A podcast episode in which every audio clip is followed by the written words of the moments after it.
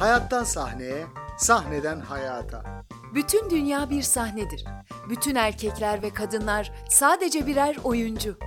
Altkat Sanat Tiyatrosu'nun hazırladığı Podcast'lere hoş geldiniz. Türkiye'de tiyatronun gelişim serüveni podcast serimizin ikincisindeyiz. Halk tiyatrosunun belki de çok özlediğimiz, adını duyduğumuzda yüzümüzde bir gülümseme oluşan türüne geçiyoruz. Meddah, gölge oyunu, orta oyunu. Bu podcast'ı hazırlarken alana büyük emeği geçen Metin Andın çalışmalarından yararlandık. Hak dostum hak! Halk önünde gereklidir nezaket. Hüner elden bırakmamaktır zerafet. Söyledikçe macerayı saçılmalı şetaret. Alt kat sanat söyler bir hisselik hikayet. E o halde başlasın temaşa.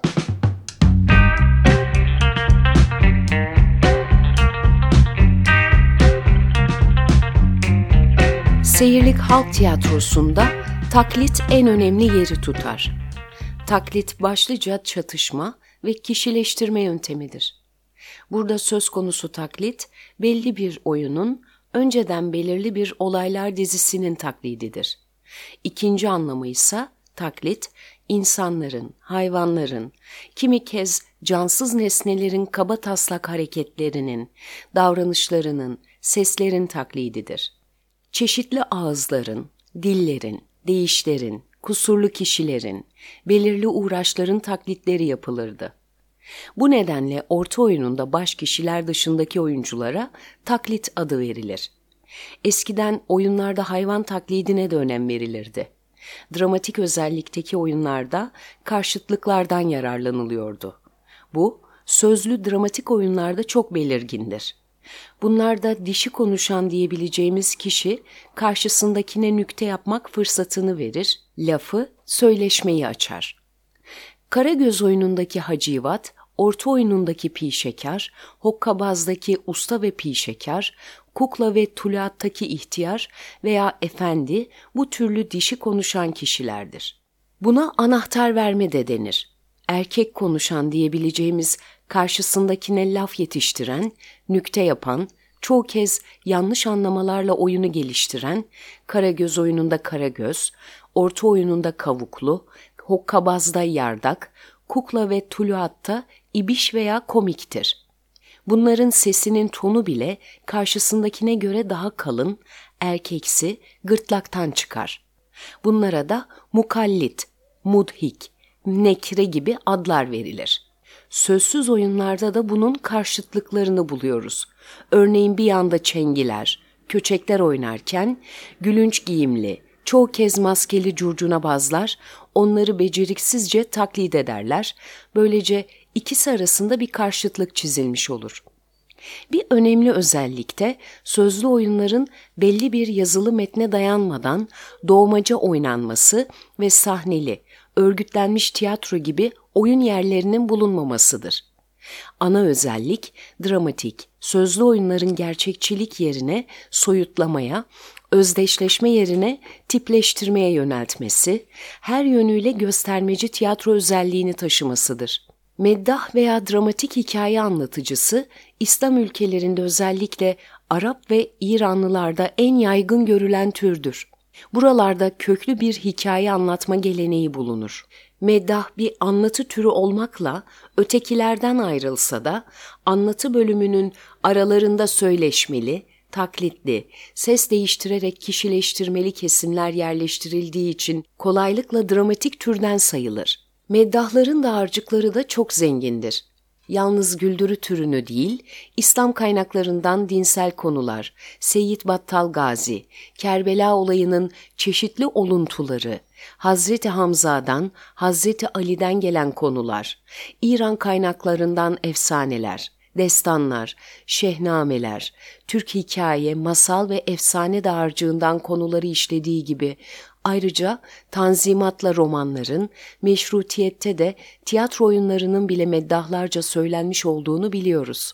Karagöz ve orta oyunundan ayrı olarak üslubu hep güldürücü olmayıp, seyircide merak, geciktirim, acıma, cinsel duyguları, korku, yiğitlik gibi duyguları da uyandırır. Meddahlar hikayelerine şiirler, tekerlemeler, kalıplaşmış sözlerle başlar. Bitişte ise özür diler, oyundan çıkan kıssadan hisseyi, gelecek hikayesinin adını ve nerede söyleyeceğini belirtir. Gölge tiyatrosu uzak doğuda gelişmiş bir türdür. Kuklanın üç boyutlu olmasına karşılık gölge oyunu görüntüleri iki boyutlu, derinliği olmayan, yarı saydam veya deliklerinin yardımıyla gölgeleri gerili bir beyaz perde üzerine arkasından ışıkla yansıtılan bir tekniktir. Çin'de, Hindistan'da, Endonezya'da ve özellikle Java'da görülen gölge tiyatrosunun bu üç ülkeden hangisinde önce başladığı kesin olarak bilinmez. İslam ülkelerine de Java'dan gelmiş olabilir.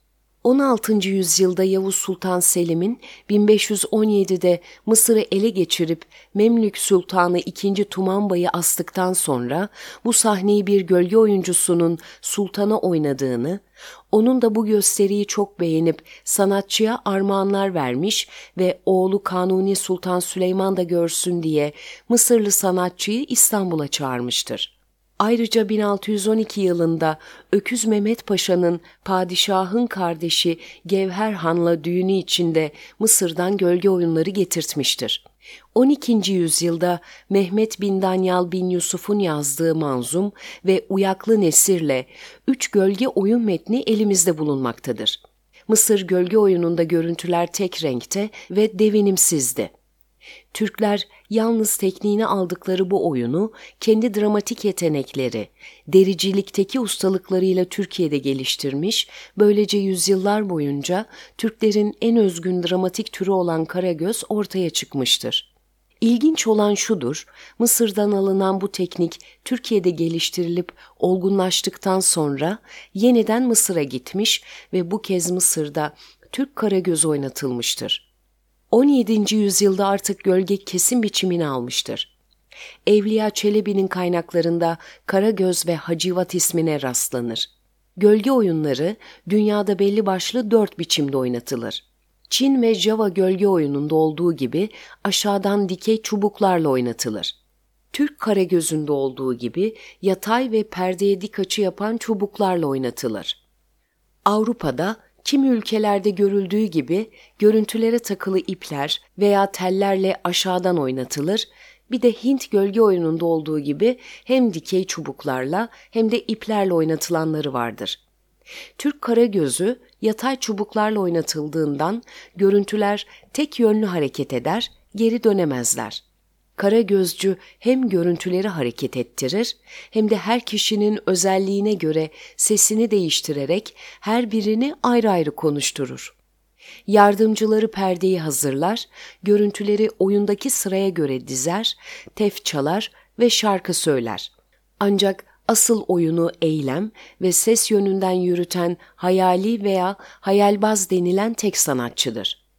Oyunda tasvir denilen görüntüleri hazırlamak için deve derisi kurutulur, tüyleri çıkartılır, camla derinin üzerine kazınır, görüntünün kalıbına uygun kesilir, delikleri delinir, temizlenir, renklendirilir, eklemli yerleri bağlanır, değneklerin geçeceği deliklerin yuvası deliğin çevresine deri konularak hazırlanır. Her kara göz oyunu dört bölümden oluşur. Mukaddime ön değiş veya giriş, muhavere, söyleşme, fasıl, oyunun kendisi ve bitiş. Muhavere genellikle Karagöz oyununun iki baş kişisi olan Karagöz ve Hacivat arasında geçer. Ancak ara muhaveresinde iki kişiden daha çok kişi bulunur. Her şeyden önce Karagöz ve Orta oyunu bir halk güldürüsüdür ve yalnız güldürü olarak gelişmiştir öteki ülkelerin ve değişik çağların halk güldürülerine büyük yakınlıklar gösterir. Bunlar arasında başlıca Mimus, Attika komedyası, komeddelerte sayılabilir. Karagöz oyunu da toplumsal ve siyasal taşlamaya başvurur, ayrıca benzeri halk güldürüleri gibi açık saçık, utanmasız, özgür bir deyişi vardır. Orta oyunu canlı oyuncularla oynanır. Orta oyunu adına ilk belge olarak 1834 yılında rastlanır. Kol oyunu, meydan oyunu, taklit oyunu gibi adlar altında daha da eskilere uzanmaktadır. Ön deyişle başlayan orta oyunu, zurnanın çaldığı pişekar havasıyla pişekar gelir, halkı selamladıktan sonra zurnacıyla konuşur ve oyunun adını söyler. Sonra zurna kavuklu havasını çalar, kavukluyla arkasında kendi gibi giyinmiş cüce veya kambur arkasından gelir. Kavuklu ve pişekar arasında çene yarışı başlar. Söyleşme bölümüdür. Söyleşenlerin tanıdık çıkmaları, birbirlerinin sözlerini ters anlama gibi güldürücü söyleme arzbar denir. Bunu orta oyununun en önemli bölümü olan tekerleme izler. Bu bölümde kavuklu, pişekara başından geçmiş gerçeküstü, olağan dışı bir olay anlatır. Pişekar bunu gerçekmiş gibi dinler. Sonunda bunun bir düş olduğu anlaşılır. Orta oyunu yuvarlak, çepeçevre seyircilerle kuşatılmış bir alanda oynanır. En temel özelliği üslubunun göstermeci tiyatro anlayışında olmasıdır. Türkiye'de tiyatronun gelişim sürecinin ikinci bölümü burada sona erdi. Üçüncü bölümde görüşmek üzere. Hoşçakalın.